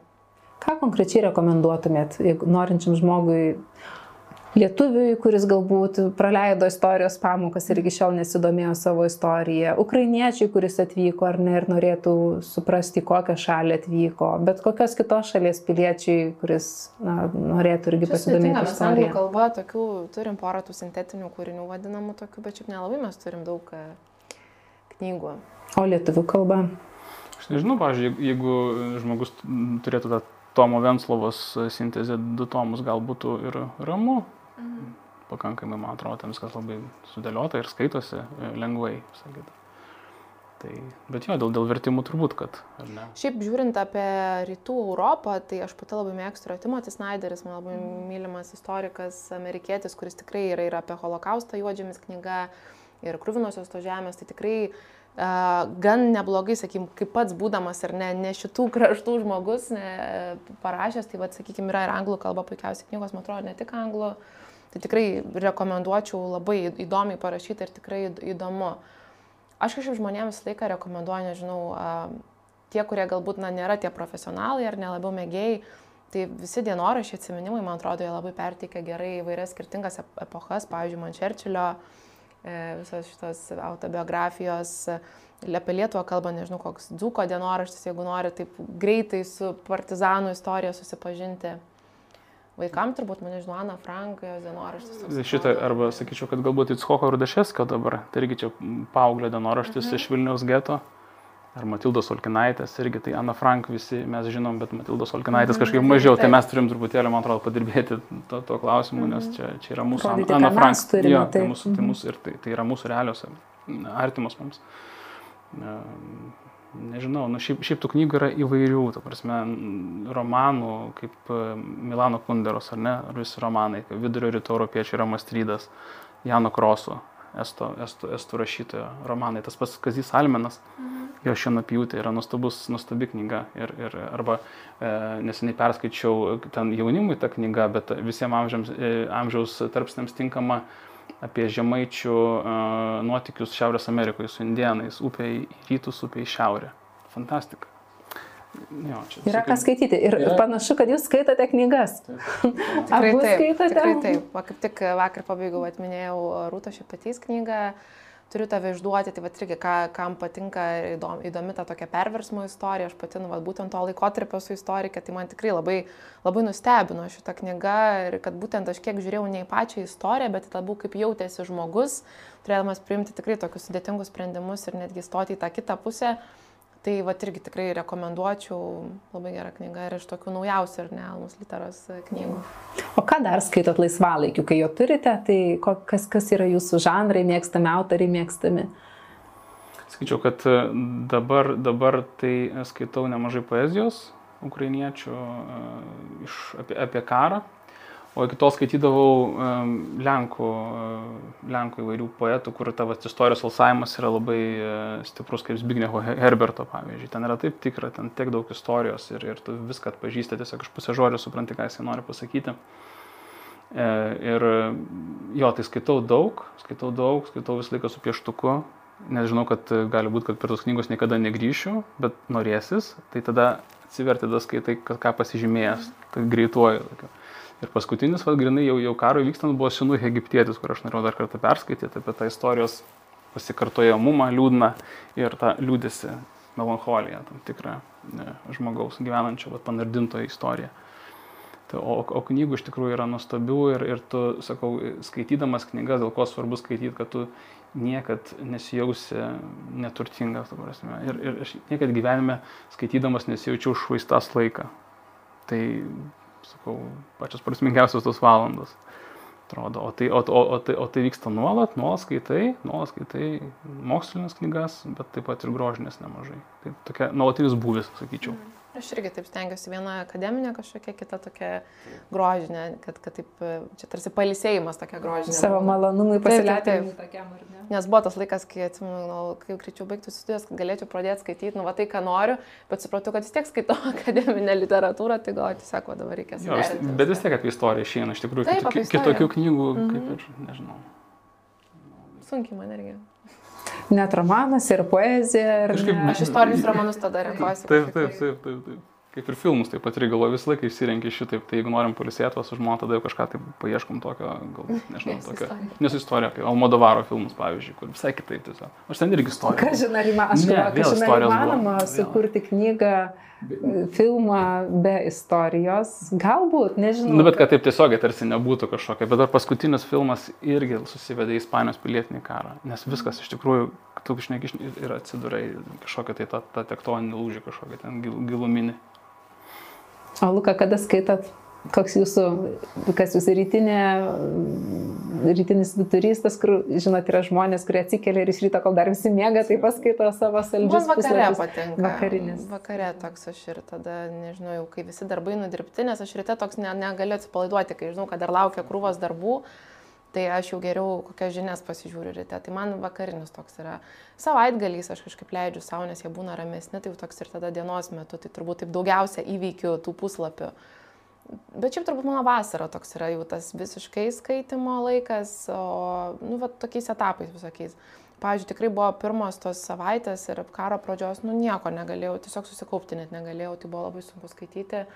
Dabar jau kažkaip grįžau, grįžau ir skaitau, dabar kaip tik atrodo toks jau atgaiva kažkokia. Tai man lygiai tas pats, lygiai tas pats e, negalėjau skaityti ir dabar nelabai, e, tiesiog informaciją, poeziją ir informaciją skaitai. O, o, o, o, šitą, o, o knygų nelabai negaliu apie holokaustą skaityti, nes kažkaip skaitydavai tas knygas apie holokaustą kaip apie praeitį, ar ne? Nu, ir kad tiesiog... Iš mes, distancija, iš distancijos ir kad tarsi čia jau yra praeitį ir mes, kad tai nepasikartotų, turime čia, žodžiu, reflektuoti, čia apie tai išnekėti visą kitą ir po to, žinai. Ir, ir staiga tai vyksta. Ir vėl vyksta, žinai, ir tu supranti, kad ir vėl, žinai, ir tai yra taip liūdna ir taip nuobodu, žinai, ir taip skaudu. Tai, tai apie holokaustą negalėjau tiesiog, bet nužiūrėsim, kaip čia klostysis tas visas toliau tas suvokimas ir panašiai. Kada vėl galėsi pradėti kalbėti arba kažkokiu naujų kampų ir panašiai, kad jau be to niekada daugiau ir visai. O, o dėl, dėl to pavydžiu, kad gali skaityti, bet, nu, ne kada nori. Labai, labai aš irgi norėčiau tai, bet dabar tiesiog priebėgom tas skaitimas toksai vyksta, toksai, kaip sakyti, dėl, dėl to judesio namuose, tai pasvajoju apie tokį prabangų skaitimą. Tai va, bet tikiuosi, kad dar ateis. Laikas. Ateis. Ateis. Taip. Nedaug, ką liko. Metų kokie dešimt ir. Jo, yra. Arba kartu visiems reikia skaityti. Kartu. Mm, Bet jo, čia vaikai, tėvai, vaikai yra dar atskira teritorija ir skaitimas taip gali nukentėti. Nes man kažkaip taip atrodo, nežinau, gal aš klystu, bet kad dabar vaikai mažiau skaito, negu, pavyzdžiui, nuskaitė mano karta. Ne, jo, turbūt Nu, ne. man bent jau taip atrodo, kad vis tiek technologijos jos taip ima viršų ir, sakykime, kol dar tėvai skaito vaikam, tai taip, bet kai jau atsiranda, kai jau tu gali savarankiškai skaityti, aš kažkaip, kiek girdžiu, nežinau, kokie tyrimai, bet Pasirinks, technologijos. pasirinks kažką tokio patrauklesnio, turbūt. Ir čia klausimas, ar tai yra kažkokia, nu, vat, problema ateičiai, ar, ar ne, ar vis tiek kažkada grįž, kad prie knygų žmogus. Kol kas tai, ką stebime mes, tai yra, kad vis dėlto e, nėra dar toks didelis praradimas skaitytojų ir, ir tie skaitytojai jie yra ir atsiranda vis nauji ir nauji ir knygų rinka jinai nėra tokio požymio, kad trauktųsi. Čia kalbam ne apie šiuos mėnesius, bet apie metų tendencijas. ar- Taip, bet suaugę, tai taip, aš matau, kad skaito, bet būtent vaikai. O vaikai, e, jeigu yra suaugusių, vadinasi, jie užauga vis tiek iš tų vaikų, kurie vienai par kitaip, bet su ta mažaja karta, kas aišku bus, tai mes pamatysime po, po metų 20-15, dėl to yra labai svarbu skait, skatinti skaitimo įgūdį, nes jeigu su mažais vaikais neskaitai, tai tikimybė, kad jie suaugę grįž prie knygų yra tikrai labai maža. Čia turbūt tėvus reikia pakviesti ir paskatinti va, to pavyzdžių. Kaip Zigmas ar ne, kad aš, namuose aš, daug visą laiką knygų ir aš, aš visą laiką tikėjau, kad jeigu namuose bus daug knygų ir tėvai skaitys, kas skaitys ir vaikai. Aš šventai buvau įstikinęs tuo ir nu, mes pasižiūrėsime. Tyrimai, po, po rodo, metų. tyrimai rodo taip, kad jeigu namuose yra daug knygų, tai tikrai vaikai turi daug didesnę tikimybę skaityti. Um, ir norėjau dar paklausti Lukos apie mėgstamiausius žanrus. Taip nukeliavom prie vaikų, bet noriu dar grįžti, ką pati laisvalaikiu renkiesi. Aš kažkaip mėgstu, kaip čia pas mane tokias būna ganėtinai visą laiką rimtos knygos. Aš nemėgstu kažkokių tokių lengvų romanų, jeigu juos renkuosi, tai jie būna kažkokie klasikiniai, kurio, kurių dar nesu perskaičiusi. Nežinau, man būna tokiais etapais. Pavyzdžiui, pernai, pernai metais aš perskaičiau visas Remarko knygas. Nu, va, užsikabinau, bet čia aš saugau tam, aš taip juokiuosi, nes aš kai buvau mažesnė, mano tėčiui labai patinka Remarkas ir jis man įbrukdavo ir, nu, aš sakydavau, ne, negaliu, bet, pavyzdžiui, dabar perskaičiau visas ir man labai patiko. Bet matyt, priaugau tam tikrą tokį amžių. Mėgstu kažkokias tai filosofinės knygas, aišku, istorinės visos knygos. Istoriniai romanai irgi kaip kokie, aš tokia esu labai išranki, bet ir pripažinsiu, kad nelabai mėgstu lietuvių autorių. Man kažkaip labai retai, aš po kažkokių publicistų, aš, aš galiu paimti į rankas, man, ne, nežinau, nepatinka. Tai vat. Tikiuosi, ne, Zigmo, ne apie Zigmo knygas kalbu. aš turiu namie ir tikrai. Saugusiems. Ne, iš tikrųjų, vat, kaip sakai, dėl, dėl, dėl uh, remarko, tai man buvo taip sužemaitė. Nes, nu, sakau, norėjau užmėgsti kažkokius santykius tą moteriam. Tiesiog mokykloje buvo visiškai paviršutiniškas.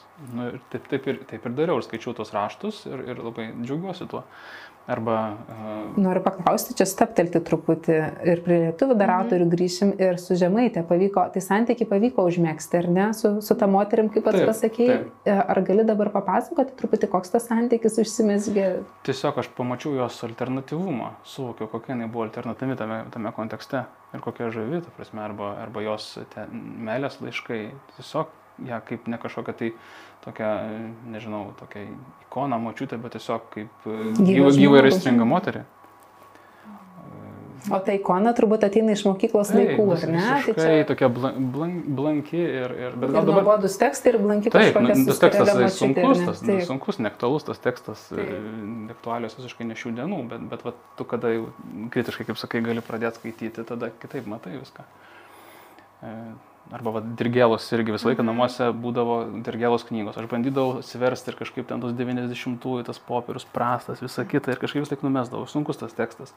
Ir perskaičiau, perskaičiau Bioldijos jūras ir, ir, ir, ir dar e, daugiau ir sakau, kad apdovanojama, nes tos knygos sunkios, labai klampios, labai lėtos, visa kita, bet jeigu tu gali leisti savo tą prabangą tokią, tai po to esi apdovanojamas.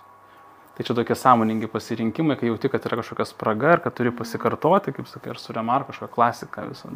Aš irgi dabar pasakiau, kad e, nemėgstu lietuvių autorių, nors mano viena turbūt mėgstamiausių knygų yra Vinco Mikolaičio Putino krizė. Ir man buvo visiškai atradimas. Per... Tikrai retai minima knyga. Taip, ir visi žino altorių šešėlis, o aš kažkaip ją atradau ir atradau per istorijos studijas, nes reikėjo kažkokį darbą daryti, aš dabar tikrai nepamenu, bet jis buvo susijęs su literatūra ir kažkaip aš paėmiau tą knygą ir man buvo protiškai patiko. Aš galvoju, kad irgi genialumas autoriaus parašyti tokiais trim sluoksniais, kaip ta krizė susieta ir su ekonominė krize, ir su visuomenės krize, ir su vienos moters krize. Nu, man ten buvo kažkas tokio, nu, tokia nedidelė ir tikrai labai mažai kam žinoma, bet yra beprotai įdomi knyga. Tai vat visiems tokia rekomenduoju, kas yra skaitę šešėlius, būtinai paskaityti. Dar ir šią. Aš pati atsimenu nuostabą iš literatūros studijų, kada atradau autorius ir kūrinius, kuriuo aš nebuvau nei girdėjusi, nei mačiusi, nei mokyklos programuose apie juos buvo kalbama. Mm, dėl to man labai smalsu visada, kai sako, nemėgstu lietuvių autorių, tai kiek yra, na, kiek plačiai yra paimta, kiek plačiai susipažinta ir jeigu nemėgsti, tai ko trūksta tada, ko, ko Aš gal labiau kalbu apie šio laikinius. Mhm. Tie, sakykime, va tas pats Putinas ar ne ir kiti autoriai, tai man kažkaip tos knygos jos tokios yra irgi, man ta kalba kažkokia kita patinka, nu, viskas gerai, kažkaip ir, ir mokykla primena. Jo.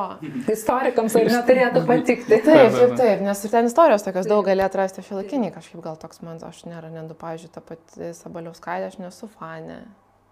Nors ir istorinės knygos. Ir dažniausiai sulaukiu daug tokios priešiškumo, kaip čia dabar aš nu, nesu labai didelė gerbėja. Uždega arba neuždega. Mhm. Tai mane ten keli tomai uždega jau. Sakyčiau, tas vaizd, ta vaizdingumas, 18 amžius man irgi buvo įdomus visą laiką, dėl to labai džiaugiausi. Jis tai buvo praleistas ilgą laiką, apie tai nešnekėjom.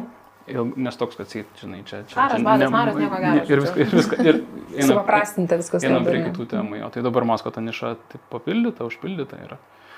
Ir kai pagalvoju apie tą 18 amžių, kada susidomėjau, tai e, Ferenco Joršio kapitonas Tenkešas buvo knyga ir filmas, būtent ta estetika visa. Iš ten tas galvoju, atsekiau mintį.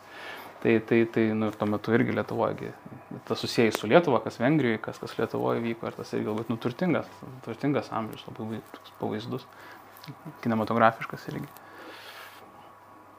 ko norėtumėt paprašyti, pasiūlyti lietuvių autoriams, ką aprašyti, gal kokius istorinius laikotarpius ar kažkokias a, savybės, nežinau, įgyti kūrinio teksto kūrimo, kad jums būtų smagu, malonu skaityti, įdomu netgi kaip istorikams skaityti?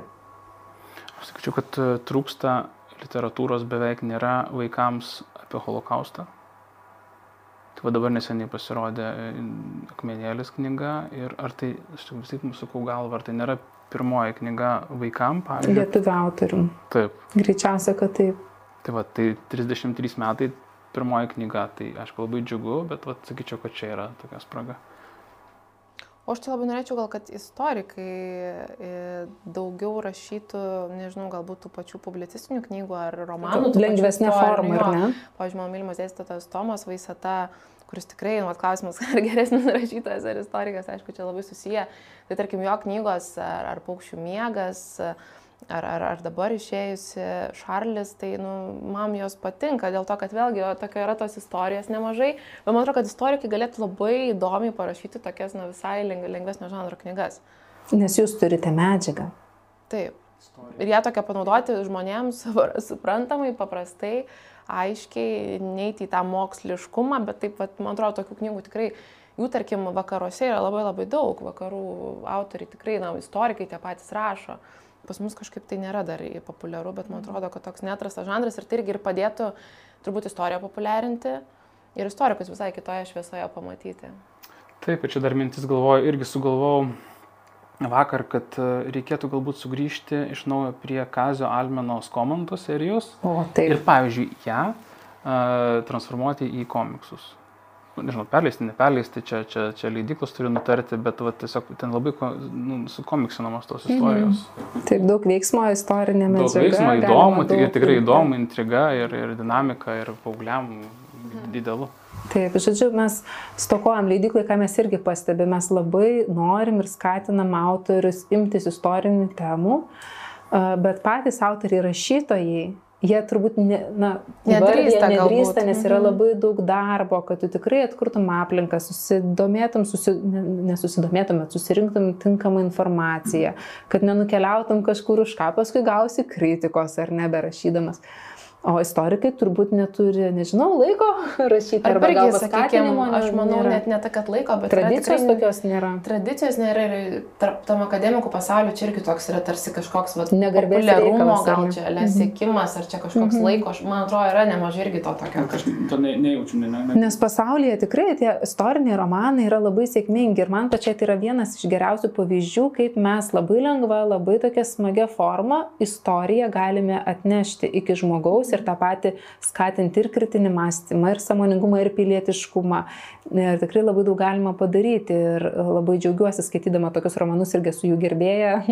Tai kiekvieną kartą ir dar ypač jeigu autoris pabaigoje parašo pabaigos žodį, kuriame papasakoja, kaip jis pasirinko temą, kokiais šaltiniais rėmėsi, sudeda nuotraukas, kažkokius žemėlapius, tai visada rašau 10 su pliusu ir patiriu didžiulį malonumą kaip skaitytoja. Bet Lietuvoje tas populiario, buvimas populiarioje kultūroje, tarsi iš tikrųjų akademinėme sluoksnėje yra priimamas truputį kaip toks. Bet žinau, Na, čia tas, ar, ar, ar kiekvienas, žinai, istorikas galėtų rašyti, vis tiek gal čia tiesiog kažkaip gal ir atsitik- atsitiktinumo, tas tradicija, tradicija, faktorius. Kažkur tai išsi- išsikristalizuos, vis tiek laisva visuomenė ir nori, nenori, jinai turtėja, mes turtėja, mes matom kokie, kokios knygos, kokios, kokie renginiai, leidiniai, visokie meno kūriniai. Tai aš manau, kad čia laiko klausimas. Vėl yra tokio to tarpdiscipliniškumo irgi klausimas, galbūt jeigu tarp istorijos studijose atsirastų kažkaip daugiau dėmesio tai pačiai literatūrai bendrai, gal irgi būtų paprasčiau, nes, nesakykime, turbūt dažnai nu, tu rašai pakankamai taip sausai ir ta kalba jin tokia būna tikrai labai. Akademinė. Čia jau reikia, na, šiek tiek ta kalba, kalba turi būti kitokia. Tai vat irgi galbūt būtų galima galvoti apie kažkokį praplėtimą arba bent jau galimybę sudaryti, pasirinkti galbūt studentam kažkokių papildomų. Būtent, nes, nes, nes, Taip, būtent, nes tokių tikrai nėra. Nes mokslinė istorinė knyga, mano supratimu, gali būti parašyta ir tokiu laisvesniu stilium. Ta Prasme, jeigu tai yra, yra patikimi šaltiniai. Manęs tai labai inter- kritikuodavo, skaitau, kad per daug publicistiškai yra. Taip, taip, taip, nes- Stilius e, toks labai lengvas. Suprantu visiškai tą, tą, aš irgi esu. Per daug paprastai rašot. Nu, va, tai tas keistas dalykas, kad to atsirita akademiškumo, žinai, kažkoks tai trūkumas, viską, bet čia yra skirtingos tradicijos. Taip. Pavyzdžiui, vokiška ir anglosaksiška. Tikrai, tikrai. Tai, žinai, vokiška ten taip sukonstruota, taip sukalta, žinai, kaip lenkiška irgi panašiai. O anglosaksiškai ten jie žaidžia, tiesiog Taip, ir tas konfliktas tarp šitų dviejų paradigmų, jisai nuolat grįžta į akademinę erdvę, tai mes ten toliau nekeliausim, bet ir pati su juo esu susidūrus, tai žinau, apie ką kalbat. Dabar dar noriu grįžti prie tų vaikiškų knygų, kurios tikrai jau ne akademinės, nors pa, pa, paremtos uh, akademinėmis žiniomis, bet stilius niekaip neprikišim jam akademiškumo ir šaltumo ir, ir to sukaltumo. Uh, tikrai labai smagiai skaitomos knygos. Tai Zigmai, ar dabar ką nors rašot pats? Taip, jau esu parašęs apie, kaip kalbėjom, apie, apie išskirtinės asmenybės arba pilietiškas, tai e, apie žydų gelbėtojus, Lietuvo žydų gelbėtojus. Tai irgi bus 25 istorijos Vaikams. vaikams, paaugliams. Nes irgi tas amžius, ne kaip tokių pavyzdinių asmenybių reikia, bet čia ne tik paaugliams, iš tikrųjų ir saugusiam taip pat. Nes mes Tai- jų nežinome. Be tai- be daug Ir ten, ir ten, ten, yra, ten, yra, ten, ten yra tokios istorijos. Va Čia irgi vat, gali aprašyti. Ten iš kiekvienos istorijos tos gali parašyti apsakymą ar gali romaną parašyti. Romaną. Scenarijų. Filmas kurti. Tasme, fantastinė medžiaga. Tai va, tai kad tie žmonės tiesiog irgi ateitų viešai diskursą, kad jų pavardės būtų labiau minimos, tai, tai, tai va, tokia knyga irgi buvo parašyta, dabar iliustruojama. Gerai. Laukiam naujos knygos e, ir saugiai, ir vaikai, kaip supratau, e, nes medžiaga nau- nauja, galbūt kažkur atskirai, vėl kaip jūs ir mėgstat, ar ne atskirai kiekvienas tas gelbėtas pristatytas, bet turbūt taip, kad visi vienoje knygoje dar nebus buvę, ar ne? Manau, kad ne. Ne, turbūt nebus buvę. Tai labai žaviuosi šituo jūsų užmoju. edukuoti vaikus ir e, ne tik edukuoti, bet dar ir paieškoti, ne tik per tekstą edukuoti, bet dar ir paieškoti tos tokios vaikams smagios, primtinos formos. Na, mes čia Inga Dagilė turim paminėti ir Raso Jonė. Ta prasme, kaip ta buvo fantastinis bendradarbiavimas ir, ir, ir tikrai... Iliustracijos labai gražios. Taip, ir kiekviena jų iš, aptarta, išjausta, išdiskutuota, pasidžiaugta. Ir, Ir jos nu, vaikams turbūt nu, ypatingai yra svarbios. Čia turbūt didžioji knygos sėkmė dažnai ir būna taip, taip. Nu, iliustracijos. tai, pažiūrėjau, pati kažkokia nepatrauli pilkai padaryk viską tenai ir, ir ką, ir nežinau. Jos dinamiškos, gyva, smagios, smagios būt. komiksiškumo turi. Um, kaip, kaip, gal truputį dar papasakokit, kaip tas procesas darbo vyksta su leidykla, ar ne? Jūs uh, Lietuvos istorija, valdovai turite idėją, Taip, atkeliaujate. aš sakau, ir- kad va, Mhm. tokia idėja, leidikla sako, taip įdomu ir susitarėm, kada bus medžiaga, kada parašysiu ir tiesiog pradedu rašyti. Leidikla ieško dailininkės, dailininkė randa ir pradės, prasideda darbas, jinai skaito, paaišo interpretuoja, mes tada aptariam detalės, e, ar jos istoriškos, ar tikslios, ten, nežinau, kalavijai, šarvai, rūbai, fonas kažką, tai taip ir va, tiesiog po truputį išsipildo ta, ta, ta, ta knyga. Ar leng- lengva su dailininkais, kai kuri tekstą, ar lengva bendradarbiauti su, nes vis tiek su kokia bendra autoristė išeina. Be abejo, be abejo. Tai, tai, tai čia yra dviejų žmonių knyga. Tai, nežinau, mano atveju tai puikiai sekėsi, viskas labai gražiai. Sklandžiai, ar ne? Sklandžiai. Kad, kad net sunku įsivaizduoti, kaip čia galėtų būti nesklandžiai, jeigu bendras tikslas yra, negi tu konfliktuosi ten ar kažkaip būtų keista įsivaizduoti. O trečiąją knygą, kas iliustruoja Mindaugas Lukošaitis. naujas dar vienas. Taip. Dar vienas. Aha, tai turėsit labai įvairios patirties su, su skirtingais Tikrai taip. Tai yra skirtinga stilistika ir, ir, ir, ir nu, turėtų būti irgi knyga patraukli, prasme, tokia plačiaja prasme. Gal net įspūdinga. Ar galima Zigma, Zigma jūs pristatyti ne tik kaip istoriką, bet ir kaip vaikų rašytoją? Ne, kažkaip, vat, kaip sako, taip kažkaip nepatogu kažkaip. Nepatogu. Tai, nepatogu. Jo, tai reiškia, kad kažkas vat, su tapatybė kaž, kažkur e, taip, e, aš labiau jaučiuosi istorikas. Mhm. Ta plačiaja tokia prasme, o rašantis vaikams.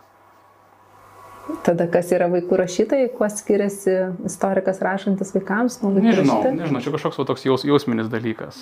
Turbūt. Neapibrėžimų, Ne, ne, ne, ne, ne, jo, ne, neapibrėžimai. Gal jeigu ten, žinai, pradėtum reguliariai rašyti, a, nežinau, reguliariai, ilgai, gal ateitų tas jausmas, kad taip gali pasakyti, žinai, kad tu esi tas. Bet kol kas to jausmo nėra, bet manau, kad netaip svarbu. Mes jau taip visai link pabaigos ir noriu paklausti jūsų abiejų, dar taip apibendrinant visą pokalbį ir grįžtant prie pilietiškumo. Um, kokios būtų, Luka, jūsų ir Zigmai jūsų rekomendacijos tėvams, mokytojams, tiems, kurie dirba su vaikais, ugdant jų pilietiškumą, kaip ugdyti jų pilietiškumą? Tai man atrodo, kad pilietiškumas ir, ir tie pilietiniai įgūdžiai, viskas yra na, susijęs su veiksmu, su konkrečiu darbu, ne, ne tik su kalbėjimu, nes na, mes taip esame pratę daug kalbėti ir, ir gal ne visą laiką daryti. Tai man atrodo, kad pilietiškumas yra tame, ar ne? Tai a, tiek pareigas mes jas nes atliekam, ar ne, einame į mokyklą, einame į darbą, mokame mokesčius, balsuojame rinkimuose, ar ne. Kalbant apie valstybinės šventės, vėlgi mes švenčiame, jas ieškome kažkokio savo santykio, ar ne apie simbolius lygiai taip pat, apie domėjimas istoriją, tai jis vėlgi toks turi būti ir net tas pats skaitimas, tai irgi yra veiksmas, ar ne, arba nuimas į, į muziejų, arba keliavimas po Lietuvą. E, Kas yra turbūt irgi labai svarbu, ką aš raginčiau ir tėvus, ir mokytojus, tai Na, turbūt organizacijos įvairios irgi, kas yra labai aktualu jaunam žmogui, kuomet tikrai na, daug laiko praleidžiam namie, ypatingai pandemija, tai, tai sąlygo ar net ir mokslas namie. Ir irgi vairūs tyrimai rodo pilietinės galios, kad na, jauni žmonės Lietuvoje tikrai mažai įsitraukia visuomeninę veiklą, mažai įsitraukia vairias organizacijas. Tur, turbūt tai yra nedidelį valstybei svarbu tą bendruomeniškumą stiprinti. Ir tu jį gali stiprinti tik būdamas tarp žmonių, būdamas su žmonėmis. Tai man atrodo, bet kokia forma dalyvavimo kažkokio organizacijų, nesvarbu, ar tai būtų sportas, ar tai būtų ten menai, ar tai būtų politinės kažkokios jaunimo organizacijos, ar ten kaip skautai kokie ar ne. Tai, tai bet, koks, bet kas tinka, bet tai yra labai svarbu, ar nebūti tarp žmonių, kuriuos sieja panašios vertybės, panašus kažkokie tikslai, tą, na, tokį kurti socialinį burbulą ir nebūti tokiam užsidariusiam, ar ne. Ir žinoma, man turbūt, vat, kuo įvairesnės tos patirtis yra svarbu, ar ne, kad tu gali ir, ir skaityti, ir keliauti, ir, ir kažkur dalyvauti, tai man atrodo, tai yra svarbu, kad tai nebūtų nuobodu ir vienoda. Man atrodo, kad irgi pritarčiau, kad e, aktyvumas ir veiksmas. Aktyvumas ir veiksmas. a, O tas, tas pilietiškumas vėlgi, nu, vaikams labai svarbu matyti tėvus, kuriems rūpi vieta, kur jie gyvena. Ir čia prasideda nuo labai smulkių dalykų, nuo e, požiūrį į aplinką ir į kitus žmonės. E, kaip, kaip, kaip tu žiūri, ar, ar tu jau tik ją kaip savo, ar tu rūpinėsi ją, ar, ar, ar kaip tu sakau, ilgės su kitais žmonėmis. Nu, nu čia, čia pati pradžia yra. Man tas irgi patinka pavyzdys, kaip sako, išsikelti vėliavą per valstybės, ne dėl to, kad baudos negautum, bet dėl to, kad tau tikrai rūpi ir svarbu ir, ir kad tu didžiuojasi. To čia toks labai paprastas pavyzdys, bet man atrodo labai jis toks tinkamas. Yra. Tai čia būtent tas galbūt simbolinė tokia mm -hmm. elgsena yra svarbu, bet ir ta tokia vat kasdienė, labai, labai paprasti dalykai. Ne, kaip, kaip, kaip tu, aš vis, vis laik akcentuoju kažkaip ir savo publicistikoje tą rūpestį aplinką. Aš kažkaip susitikinęs, kad tai yra nepaprastai svarbu. Ta, tas, tas tvarka, švara, pagarba ir tada nu, vaikas tiesiog jisai mato, kad tai yra, mm, nežinau, kad to rūpinamasi, kad tai verta dėmesio ir, ir, ir panašiai. Nuo to prasideda tas šalies kūrimas, kaip man ir Heimas sakė, kad mes turim sukurti tokią valstybę, kurią norėtų įsiginti. Mhm. Čia dažnai tas sakoma, man atrodo, kad geriau nepasakysi, tai čia prasideda nuo, nuo, nuo, nuo, nuo smulkmenų. Na ir visai pabaigai apie knygas, norėčiau paklausti, kokias jūs kaip skaitytojai knygų ir kaip istorikai rekomenduotumėt knygas skaityti suaugusiems, ne vaikams gal, nes vaikai atskira istorija, jie tegul skaito Zigmo knygas ir kitas, bet suaugusiems, kurie ieško tokių smagių, vertingų, bet ir lengvai, lengvų skaitinių. Perkratyti dabar reikia visą jo, jo, sąrašą. Klausimas Įsitempi, jau, jauti, kad kai galvoji taip, žinai, čia, nes labai daug įvairių, aš nežinau, pavyzdžiui, jeigu nori susipažinti su holokaustu, Špygelmano Maus grafinis romanas, jisai tikrai saugusi žmogus pasims, jis sukrėsis ir įspūdinga knyga. Arba tas pats Hanos Arent, Ekmanas Jeruzalėje, kad tai yra tas pats, vėlgi, Tolkinas, ne apie gerį ir blogio kovą. Vat, beje, dar, dar skaičiau Tolkieno pirmą tomą perskaičiau, vat, kai prasidėjo tie įvykiai Ukrainai. Nežinau, to šviesiojo raitelio laukimas toks buvo jausmas. E, įvairių tų, tų knygų yra iš nuostabiaus, kaip minėjau, Jano Kroso romanai, tas gilus požiūris toksai į, į istoriją. Mm. Įvairios, įvairios knygos, tikrai galima, galima pasirinkti, sakau, tą patį, tą patį poeziją. Dabar socialiniuose tinkluose galima uh, rasti mm, vertimų nuostabių tos tik, tikrosios tokios poezijos grinai iš, iš, iš karo lauko. Tai irgi yra apie istoriją, nu dabartį, bet ir apie istoriją. Mhm. Nu, aš turbūt irgi nieko kažko tokio noriu pasakysiu, čia vėlgi koks laikotarpis domina. Man pažiūrėjau, viena tokių labiausiai irgi įstrigusių knygų patenkančių į top penketuką, tai yra Sinklero džiunglės, kur irgi ar ne labai vaizdžiai galima susipažinti su tokia 20-ojo amžiaus pradžia ir, ir ta tokia emigracijos ar ne istorija lietuvių mm, nežinau, Milošą labai mėgstu, Kunderą, tai man va ta vidurio rytų Europos visa idėja patinka ir, ir autoriai. Mm. Čia vėlgi, sakau, dienorašį, aš laiką irgi labai žmonėms rekomenduoju, jeigu nori susipažinti su istorija, kažką tokio atrasti, man atrodo, būtent per tokį asmeninį santykių žmogaus, per emociją, tu gali labai taip... E, Nežinau, minėjau Grinkevičiūdės, pavyzdžiui. Ten yra įspūdinga, ir ten ne tik tai tie lietuviai prie Laptevo jūros, bet yra apie jos patirtį, pavyzdžiui, grįžus iš tremties Lietuvoje, tas nemažai įspūdingas pasakojimas, man buvo atradimas. Mm. Snyderis, kur minėjai. Irgi apie tironiją, pavyzdžiui, nesiniai knyga išleista. Mažytė labai, bet labai labai Taip, gera. Vert, verta turėti. Nes skaitinių turim metams, sakyčiau. Nes skaitinių yra, yra labai daug skaitinių. Vien iš to, ką jūs išvardino, tikrai metų prireiks perskaityti, tai tiems, kas dar neskaitė, linkime rasti laiko skaityti. O jums iš tikrųjų labai dėkoju už šitą pokalbį. Daug visko čia mes apėjom, pavaikščiojom, po, pasikalbėjom ne tik apie knygas, bet ir apie propagandą, ir apie pilietiškumą, ir apie istoriją, ir, ne, ir, ir kas ta istorija, kaip ją atskirti, kur baigėsi istorijos, kur prasideda istorija. Tai labai esu dėkinga ir leidikla tikrai dėkinga ir Zigmui už jo raš, parašytas, tebe rašomas knygas. Man atrodo, kad tai yra darbas, kuris yra be galo prasmingas ir be galo reikšmingas, nes vaikai yra tai, kas Lietuva bus po metų 10, 20 ir dar toliau, kas busime mes visi. Ir atsidėkodama, taip noriu Jums padovanoti po knygą leidyklos naujienos. Luka amerikiečių autorės antr, antroji knyga jos lietuvių kalba, pirmoji knyga jau buvo labai seniai, bei išleista, neatsimenu, gal kokiais 2008, turbūt panašiai kaip, kaip Zigmo Lietuvos istorija, tai ir šios autorės pirmoji knyga lietuvių kalba buvo išleista ir dabar turime antrą traškimų knygą.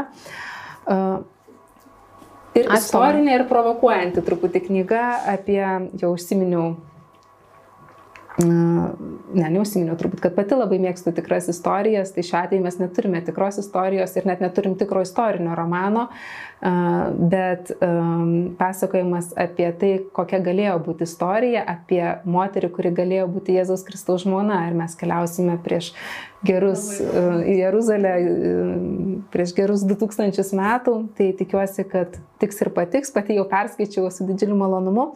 Na, o Zigmui dovanoju knygą, kurios neskaičiau, labai daug negaliu apie ją papasakoti, tik tai iš to, kas parašyta ketvirtajame viršelėje, bet jau laukiu paskaityti leidyklos naujieną dar ką tik, ką tik iš spaustuvės berniukas už žvaigždė koinėje.